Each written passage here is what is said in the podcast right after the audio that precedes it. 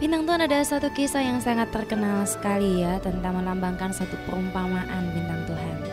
Yaitu ketika satu kali ya ada seorang petani yang dari desa bintang Tuhan dia memikul banyak sekali keranjang ya ada dua buah keranjang yang berisi dengan hasil dari uh, panennya dan satu kali dia hendak pergi ke kota dan dia sedang men menantikan menantikan ada mobil yang lewat sehingga dia bisa ikut ya di dalam mobil itu. Dan seperti biasanya ada angkutan di desa bintang Tuhan seperti mobil pick up seperti itu ya. Dan dia akhirnya naik bintang Tuhan dia naik ke sana dan dalam perjalanan dia ada di dalam mobil itu. Setelah perjalanan ternyata si supir tidak menyadari bintang Tuhan bahwa ternyata si petani ini ketika ditengok ya lewat kaca dan ditengok ternyata dia berdiri bintang Tuhan tetap berdiri dan juga semua beban-bebannya dua keranjang yang penuh itu dipikulnya begitu rupa ya lalu si supir ini juga menjadi heran Kenapa dia pikul seperti itu ya? Bukankah saya sudah memberikan satu tumpangan buat dia dan saya boleh dia duduk dan segala beban-bebannya boleh dia taruh pada mobil saya. Tetapi itu terjadi bintang Tuhan. Kelihatannya lucu, kelihatannya konyol, tetapi itulah yang sering kita lakukan ya. Oke. Yaitu sering kali Tuhan sudah minta beban-beban kita, Tuhan minta segala kepahitan kita. Memang hidup di dalam kepahitan, hidup di dalam luka, hidup di dalam setiap perasaan-perasaan yang jahat yang berasal dari iblis sesungguhnya itu adalah sesuatu yang iblis panahkan yang iblis tanamkan. Itu begitu tidak mengenakkan. Kenapa tidak mengenakkan? Karena sebetulnya kita ini adalah makhluk-makhluk ciptaan Allah yang mulia yang diciptakan serupa segambar dengan Tuhan yang diurapi yang dicintai yang penuh dengan kemuliaan Tuhan. Tetapi oleh yang namanya dosa akhirnya seluruh gambar kemuliaan Allah di dalam diri manusia itu rusak Manusia lebih mencintai dirinya sendiri. Manusia penuh dengan hawa nafsu. Manusia lebih mencintai uang, lebih mencintai mamon daripada mencintai penciptanya. Dan lain sebagainya itu mulai terjadi, terjadi dan terus terjadi bahkan lebih parah lagi di dalam akhir zaman ini. Bintang Tuhan, Tuhan rindu supaya setiap kita menyerahkan setiap beban kita kepada Tuhan, ya, supaya beban-beban kita itu tidak lagi menjadi satu hal yang begitu berat karena kita sudah ada di dalam Kristus dan di dalam Kristus ada kemerdekaan, ada sukacita. Seringkali kita salahkan Tuhan. Tuhan bukankah saya sudah percaya kepada Engkau sebagai Tuhan dan Juru Selamat saya? Bukankah saya sudah setiap minggu datang ke gereja aktif? Bintang Tuhan, Tuhan tidak mau sekedar kita memanaskan bangku-bangku gereja kita. Tuhan tidak sekedar hanya menginginkan uang kita. Yang entah itu kita berikan berapapun di setiap gereja setiap minggunya atau perpuluhan kita dari hasil pekerjaan kita satu bulan. Kita pikir itu persembahan, kita pikir itu satu penyembahan, kita pikir itu satu ya Tuhan, Tuhan adalah Tuhan saya. Dan sebagai Tuhan saya, saya harus menyembah dia dan kita pikir itu satu penyembahan. Bintang Tuhan tidak cukup sampai di situ. Itu bukan penyembahan yang sejati. Kita akan baca, kita mau belajar sama-sama satu perikop firman Tuhan yang mengatakan begini bintang Tuhan di Mazmur 103 ya. Mazmur pasal 103. Ujilah Tuhan, hai jiwaku dari Daud. Ya, seorang raja Daud menjadi seorang raja yang begitu memikat hati Tuhan ya. Karena apa bintang Tuhan? Karena bukan karena ketampanannya, sesungguhnya bukan karena kecakapannya, bukan karena kebaikannya, tetapi karena satu hal minang Tuhan. Dia memiliki hati yang luar biasa, hati yang begitu luar biasa, bukannya hati yang kebal dengan kepahitan. Saya percaya hatinya terluka. Saya percaya dia begitu pahit ketika melihat seorang Saul yang dipuja, seorang pemimpin yang dianggapnya dihormati, yang dipilih oleh Allah. Dia mungkin bisa kecewa kepada pemimpin itu. Dia mungkin bisa sangat marah dengan pilihan Tuhan. Dia bisa sangat kecewa dan meninggalkan Tuhan, tetapi dia tidak lakukan itu. Justru ketika Saul mau dibunuh, dia yang melarang. Dia katakan, "Jangan sekali-kali engkau menjamah orang yang diurapi yang dipilih oleh Allah." Ya, dia tahu kapasitasnya, dia tahu otoritas, sekalipun pemimpin itu sudah kehilangan urapan, dia tetap menghormati sebagai seorang pemimpin.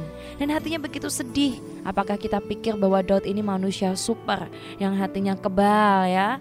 Pada satu kali ketika dia uh, diberikan putri oleh si Saul ya tiba-tiba ketika dia datang lagi eh putrinya itu yaitu istrinya yang akan mendampingi dia ya dia sudah mungkin membayangkan diberikan kepada orang lain begitu pahit hatinya begitu mungkin penuh dengan emosi tetapi dia orang yang sanggup menguasai hatinya orang yang sanggup menguasai dirinya dan orang yang sungguh bertaut begitu rupa dengan Allahnya. Ini yang membuat Allah begitu senang dengan yang namanya pondok Daud ya. Tuhan tidak meminta bahkan sampai perjanjian baru pun terus diulang di Amos di perjanjian baru.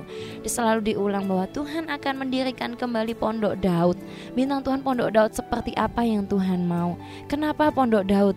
Kenapa bukan bait Salomo yang megah yang penuh dengan emas yang dibangun begitu rupa dengan segala kekayaan dengan segala kemuliaan ya dengan segala sesuatunya bahkan diceritakan sendiri bahwa di dalam Bait Salomo itu kemuliaan Allah luar biasa sampai banyak penatua-penatua di sana orang-orang Israel tua-tua Israel mereka tidak bisa berdiri mereka rebah semuanya karena kemuliaan Allah yang begitu pekat yang begitu luar biasa Kenapa bukan kemah Musa? Bukankah kemah Musa ini didirikan menurut blueprintnya Allah sendiri? Menurut satu gambaran Allah sendiri tentang surga. Tuhan berikan itu cetakannya kepada Musa dan Musa melakukan itu. Ada satu ruang maha suci, ruang suci, ruang pelataran dan lain sebagainya. Ada kemah pemba ada kolam pembasuhan, ada meja roti, kemudian ada juga yang namanya mesbah bakaran, ada yang namanya kaki dian, ada yang namanya tabut, dan lain sebagainya. Kemahnya harus seperti ini, buatannya harus seperti ini. Kenapa tidak itu yang diimpi-impikan oleh Tuhan ketika kemah Musa sudah tidak ada lagi? Bait Allah itu sudah tidak ada lagi. Lalu kemudian ya, mulai timbul peperangan di mana-mana. Tabut Allah dicuri oleh orang Filistin. Karena bangsa Israel tidak menghormati. Terjadi pada zaman ketika Samuel masih begitu kecil. Tetapi Tuhan merindukan satu pondok.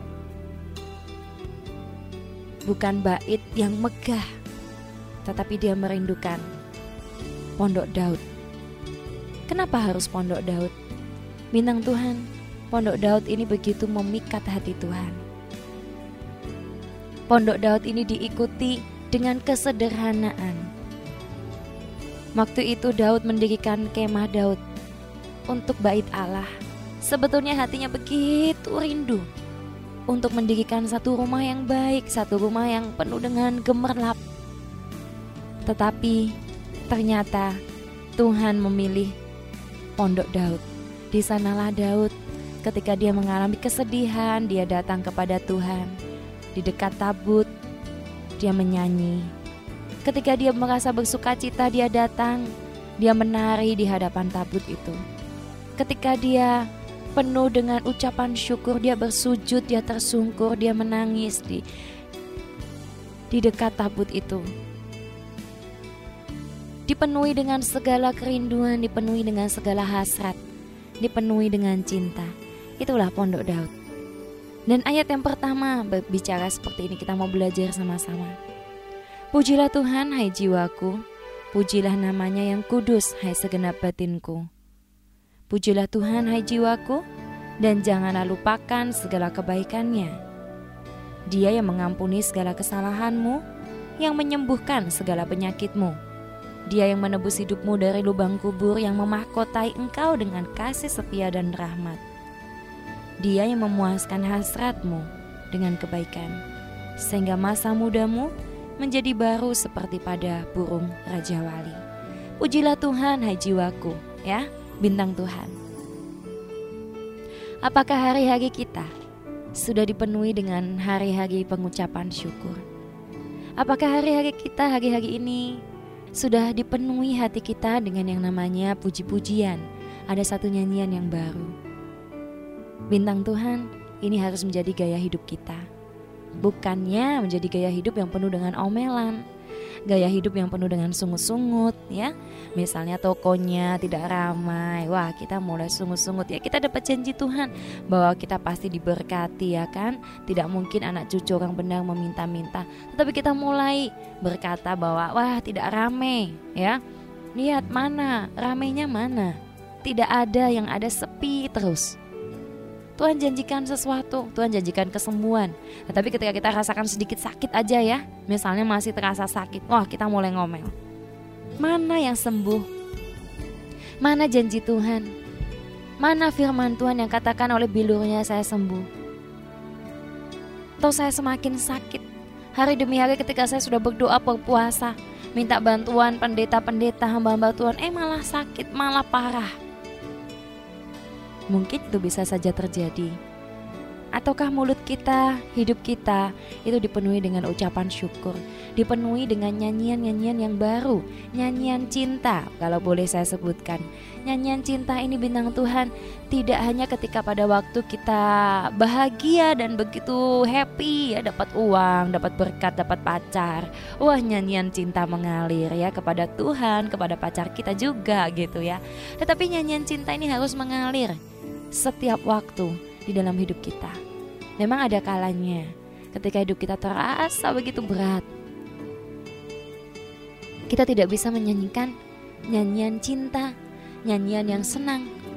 Tetapi kita bisa juga ciptakan satu nyanyian pengharapan.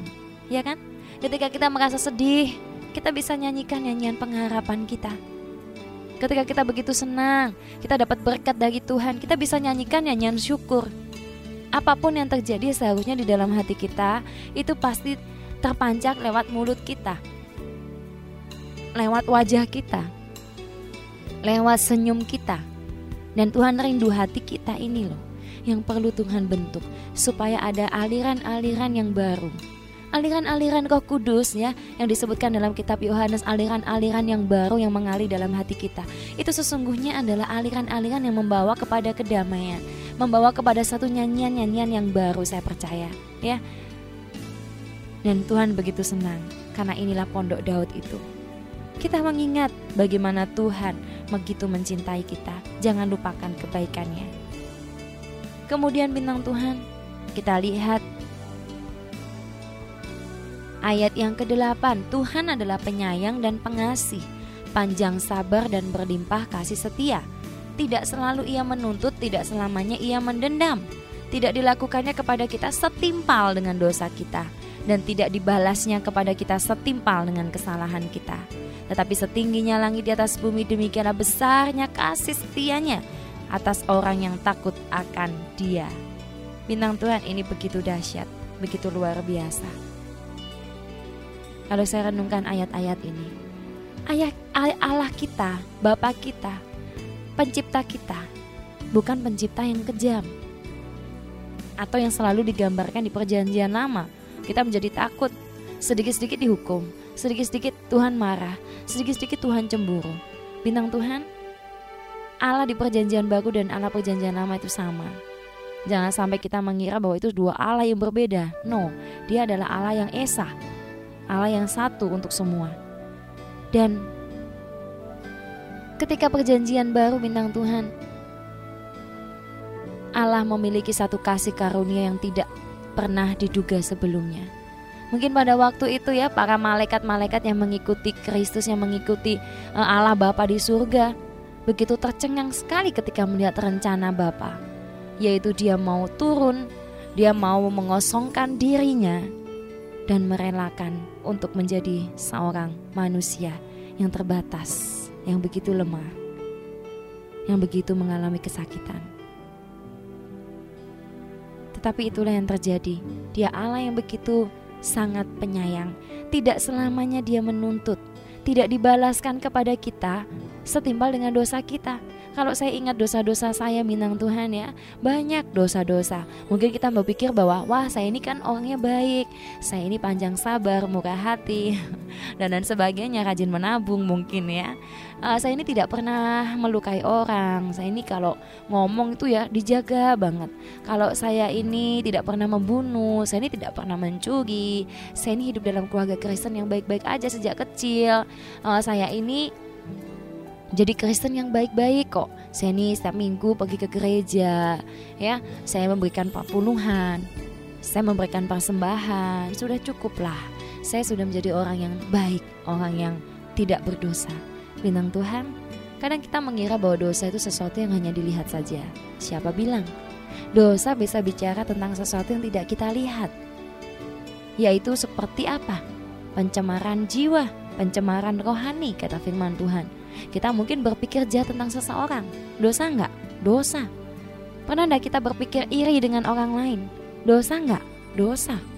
Pernah nggak kita jengkel, kita benci, dan kita rasanya ih pengen bales ya orang itu kalau bisa kita bales kalau mungkin kita sayang sama dia tapi ada sedikit pikiran-pikiran di mana kita tangkap pikiran itu dan kita jadikan itu pikiran kita padahal mungkin itu adalah pikiran-pikiran yang iblis tanamkan iblis kasih tetapi kita tangkap dan itu kita jadikan pikiran kita dan kita percayai bahwa iya ya buat apa saya hidup sama dia dia ini menjengkelkan saya tidak suka apa yang saya mau itu yang harus saya dapat kita mulai mencintai diri kita sendiri. Kita mulai jadi egois. Kita mulai tidak melakukan firman Tuhan yaitu hukum kasih, tetapi kita mulai tuntut orang lain. Kita mulai hakimi orang lain dengan pikiran kita. Dosa nggak? Atau mungkin kita juga melakukan perbuatan-perbuatan yang orang lain tidak tahu. Dosa-dosa yang kita sembunyikan. Bintang Tuhan, oleh karena itu sebetulnya Tuhan ini tidak menimpakan setimpal hukuman itu dengan kesalahan kita. Sekalipun kita tuh layak mati sesungguhnya. Tetapi dia tetap menjaga kita. Dia panjang sabar. Terpujilah kasih setia Tuhan. Oleh karena itu bagi bintang-bintang Tuhan. Yang hari-hari ini kita merasa bahwa kenapa sih Tuhan selalu berbuat demikian sama hidup saya? Kenapa sih Tuhan kelihatannya gak adil sama hidup saya? Kenapa kelihatannya bahkan dalam pelayanan dalam keluarga mungkin istri menuntut suami, suami menuntut istri dan kita katakan kenapa harus saya? Kenapa selalu saya? Kenapa pelayanan ini seperti ini? Saya adalah tipe orang yang dulunya bintang Tuhan ya, bahkan sampai sekarang saya terus bergumul dengan hal ini. Yaitu saya tidak tahu ada orang yang menuntut saya atau tidak, saya selalu merasa tertuntut. Ini anehnya ya aneh bin ajaib. Tidak ada orang yang menuntut saya tidak ada orang yang mengharuskan saya berbuat seperti ini berbuat seperti itu. Tetapi diri saya menuntut diri saya sendiri. Hati saya menuduh saya terus. Saya bingung kenapa hati saya menuduh saya terus seperti ini dan akhirnya saya temukan satu jawaban setelah saya bergumul demikian lama firman Tuhan katakan hati nurani kita itu harus dimurnikan sama Tuhan kalau tidak ya hati nurani kita, hati kita itu akan menuduh kita. Tetapi puji Tuhan firman Tuhan tidak selesai sampai di situ. Ayat di bawahnya juga dikatakan bahwa kita harus punya keberanian untuk percaya bahwa Allah itu lebih besar dari hati kita. Saya tangkap ayat itu dan saya katakan, "Hai hatiku, Tuhan lebih besar dari engkau. Tuhan lebih besar dari semua pikiran-pikiranku. Tuhan lebih besar dari setiap perasaanku, dari setiap emosiku, dari setiap pikiranku sendiri. Tuhan lebih besar. Saya mulai tanamkan itu dan itu tidak langsung berhasil. Saya jatuh kembali. Saya mulai mencintai diri saya sendiri. Saya mulai egois, saya mulai melihat kepada diri saya sendiri. Dan Tuhan tegur. Saya mulai saya bingung. Saya ini mencintai diri saya tapi saya juga tuntut diri saya. Seringkali saya bingung dengan hati saya. Akhirnya Tuhan ajari lagi bahwa sesungguhnya saya belum berdamai dengan hati saya sendiri. Saya selalu ingin memberikan yang terbaik. Sungguh saya mau kasih yang terbaik. Tetapi kadangkala apa yang terbaik menurut saya ingin saya lakukan itu melukai hati Tuhan. Dan ketika saya tahu, ketika saya sudah berusaha sungguh-sungguh menyenangkan hatinya dan itu melukai hatinya, saya begitu sedih, saya begitu hancur. Saya mulai belajar kembali, Tuhan, sebetulnya apa sih yang kau mau? Sebetulnya Tuhan tuh mau yang apa sih? Ngomong dong sama saya. Saya begitu rindu untuk mengenal hati Tuhan. Sampai saya mengerti banyak hal bahwa ternyata diri saya seperti anak sulung, anak sulung dan anak bungsu di mana anak yang bungsu itu pergi ya menghabiskan harta penuh dengan dosa pergermalapan dunia. Tapi mungkin saya tidak demikian. Mungkin kita berkata, "Wow, saya bukan anak bungsu, saya ini baik, saya ini bekerja di dalam ladang Tuhan, saya bekerja di rumah Bapak, saya dekat dengan Bapak." Tetapi kalau anak bungsu itu ya, aduh hidupnya sudah kotor, hidupnya sudah najis, hidupnya sudah dengan dunia, serupa dengan dunia. Bintang Tuhan mungkin kita tidak seperti itu, tapi kita mungkin seperti anak sulung. Anak sulung ini seperti apa? Saya mau cerita sedikit. Anak sulung ini memiliki perasaan bintang Tuhan. Sesungguhnya dia anak yang baik. Dia ingin menyenangkan hati bapaknya. Dia bekerja setengah mati demi bapaknya. Tetapi dia kehilangan satu hal yang terpenting dalam hidupnya, yaitu kasih yang mula-mula dengan bapaknya. Dia sudah mulai merasa mungkin awalnya begitu akrab. Tapi lama kelamaan dia mulai kehilangan kasihnya yang mula-mula. Dia mulai lihat bahwa aku harus kerjakan sesuatu buat bapakku. Aku harus melayani bapakku. Aku harus kasih yang terbaik buat bapakku. Supaya apa? Oh, supaya bapakku bangga. Supaya bapakku lihat bahwa aku bukan seperti anak bungsu adikku yang tidak tahu diuntung itu. Aku adalah orang yang baik. Aku adalah orang yang menyenangkan hati Bapak. Mungkin motivasinya awal seperti itu. Tapi kelama-lamaan dia mulai terikat dengan yang namanya pelayanan. Dia mulai terikat dengan yang namanya pekerjaan yang awalnya dia katakan ini untuk Bapak. Dia mulai terikat dengan yang namanya keluarga yang pada awalnya itu dibangun di atas dasar kasih Kristus itu sendiri. Dia mulai kehilangan banyak hal. Sampainya dia di rumah, dia begitu capek Mungkin bapaknya ingin ajak dia pergi. Dia bilang, "Oh, bapak, saya sedang sibuk. Saya sedang mengerjakan proyek ini untuk bapak. Bapak pasti senang, bapak pasti bangga." Kita mulai kehilangan sebetulnya satu hal yang begitu penting, yaitu hati Bapa. Sehingga bintang Tuhan kita menjadi orang yang sangat tertuntut.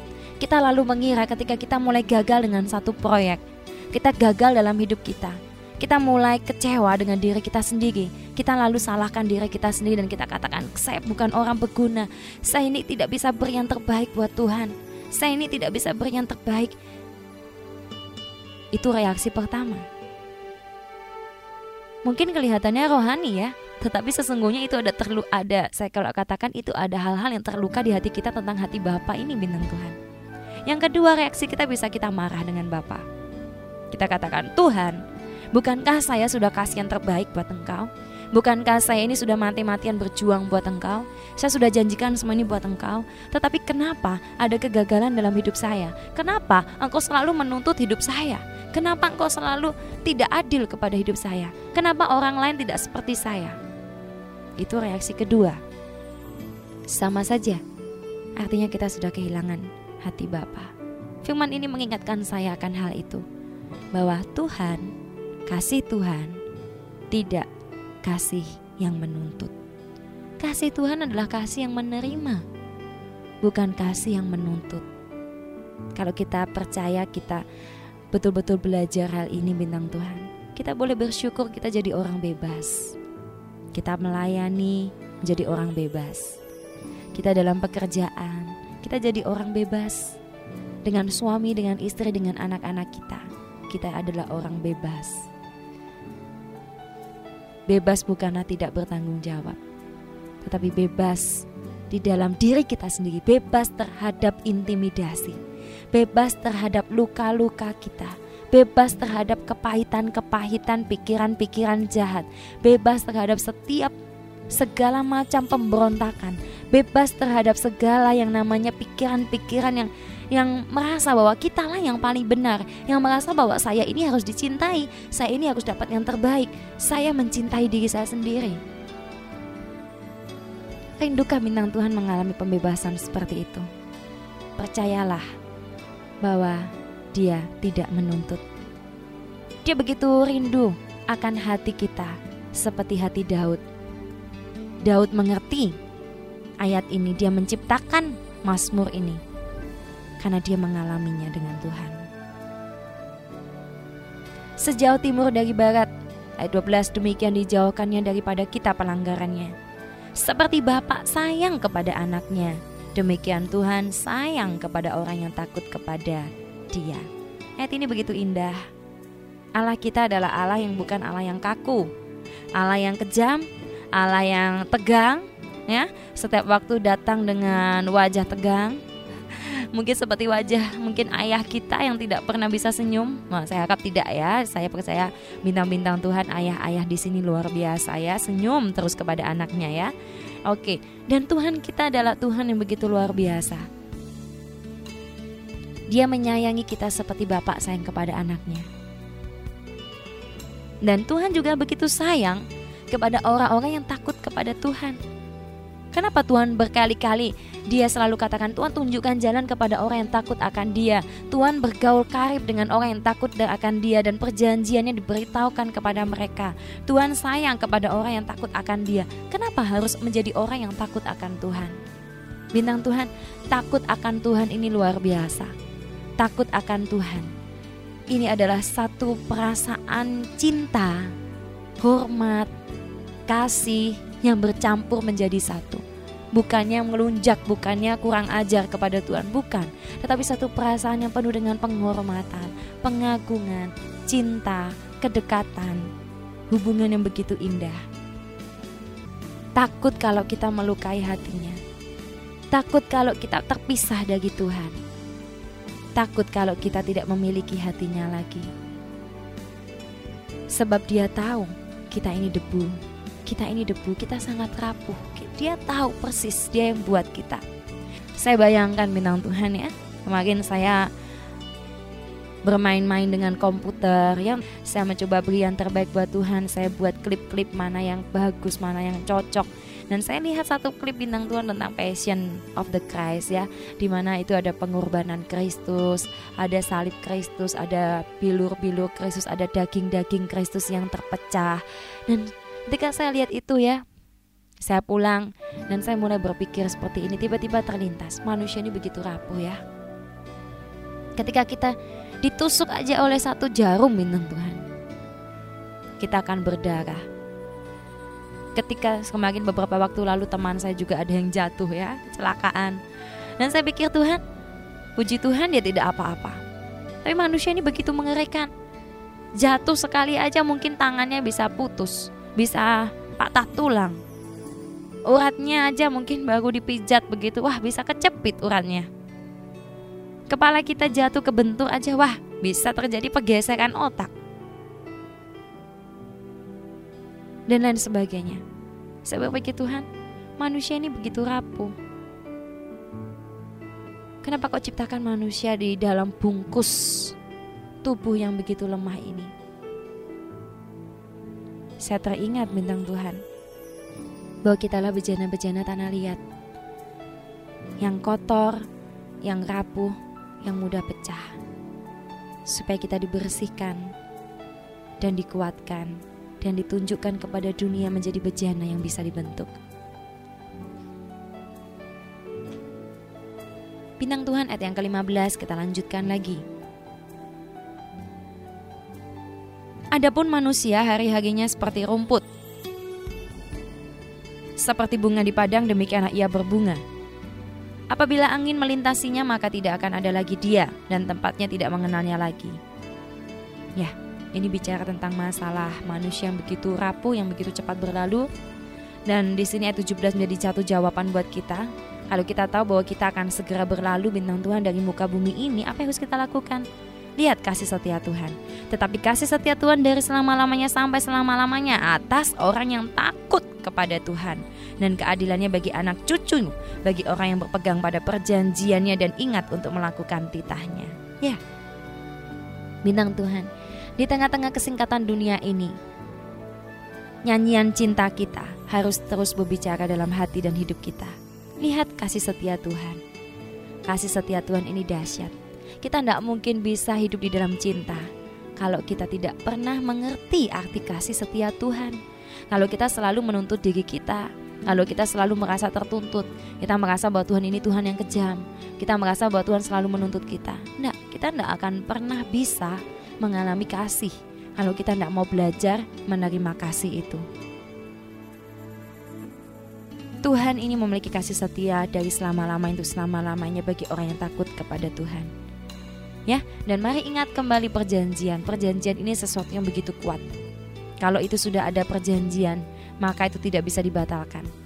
Di hadapan pemerintah itu sah dan tidak satu pun bisa menggugatnya. Demikian juga dengan Tuhan. Tuhan ini punya satu hukum pemerintahan yang tidak bisa dibantah oleh surga maupun neraka oleh siapa pun juga. Perjanjiannya kepada kita itu tidak bisa dibatalkan. Mungkin Tuhan pernah mengadakan perjanjian dengan engkau. Tuhan memberikan janjinya. Kita lihat firman Tuhan, itu menjadi satu rema, menjadi satu kekuatan. Yes, itu janji Tuhan.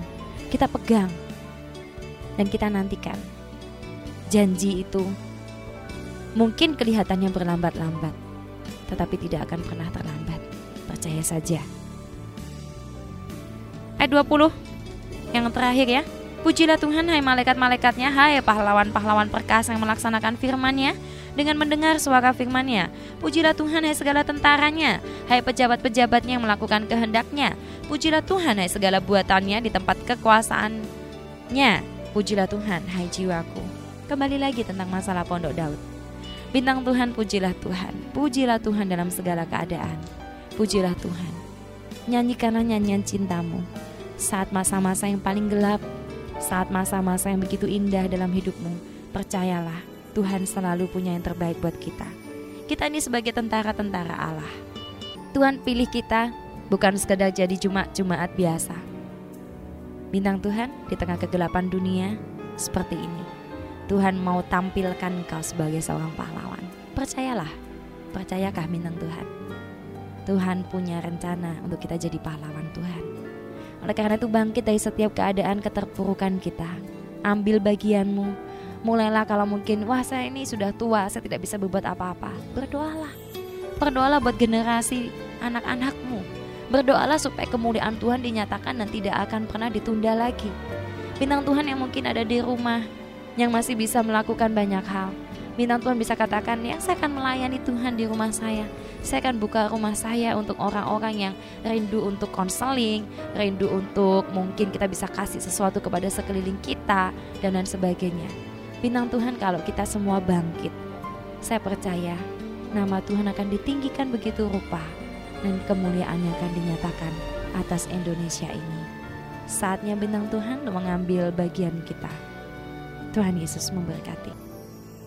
Bapak kami mengucap syukur buat firman-Mu Tuhan yang mengingatkan kami semuanya untuk kami selalu mengerti bahwa Engkau merindukan Pondok Daud, merindukan satu penyembahan yang sejati, satu persembahan yang bukan hanya sekedar datang ke gereja, bukan hanya sekedar memberi persembahan, tetapi hati kami Tuhan. Kami tahu hati kami begitu jahat, kadang kami tidak mengerti, tetapi Tuhan kasih-Mu dahsyat, Engkau luar biasa, dan kasih setiamu tidak pernah berubah dari selamanya sampai selama-lamanya. Dan ajar kami itu tetap berjalan di dalam kasih karuniamu, berjalan di dalam panggilanmu, berjalan di dalam kemuliaanmu. Terima kasih Bapa. Kami mau memberikan apa yang menjadi beban-beban kami hari ini ke dalam tanganmu. Biar engkau yang memulihkan setiap keadaan kami. Amin.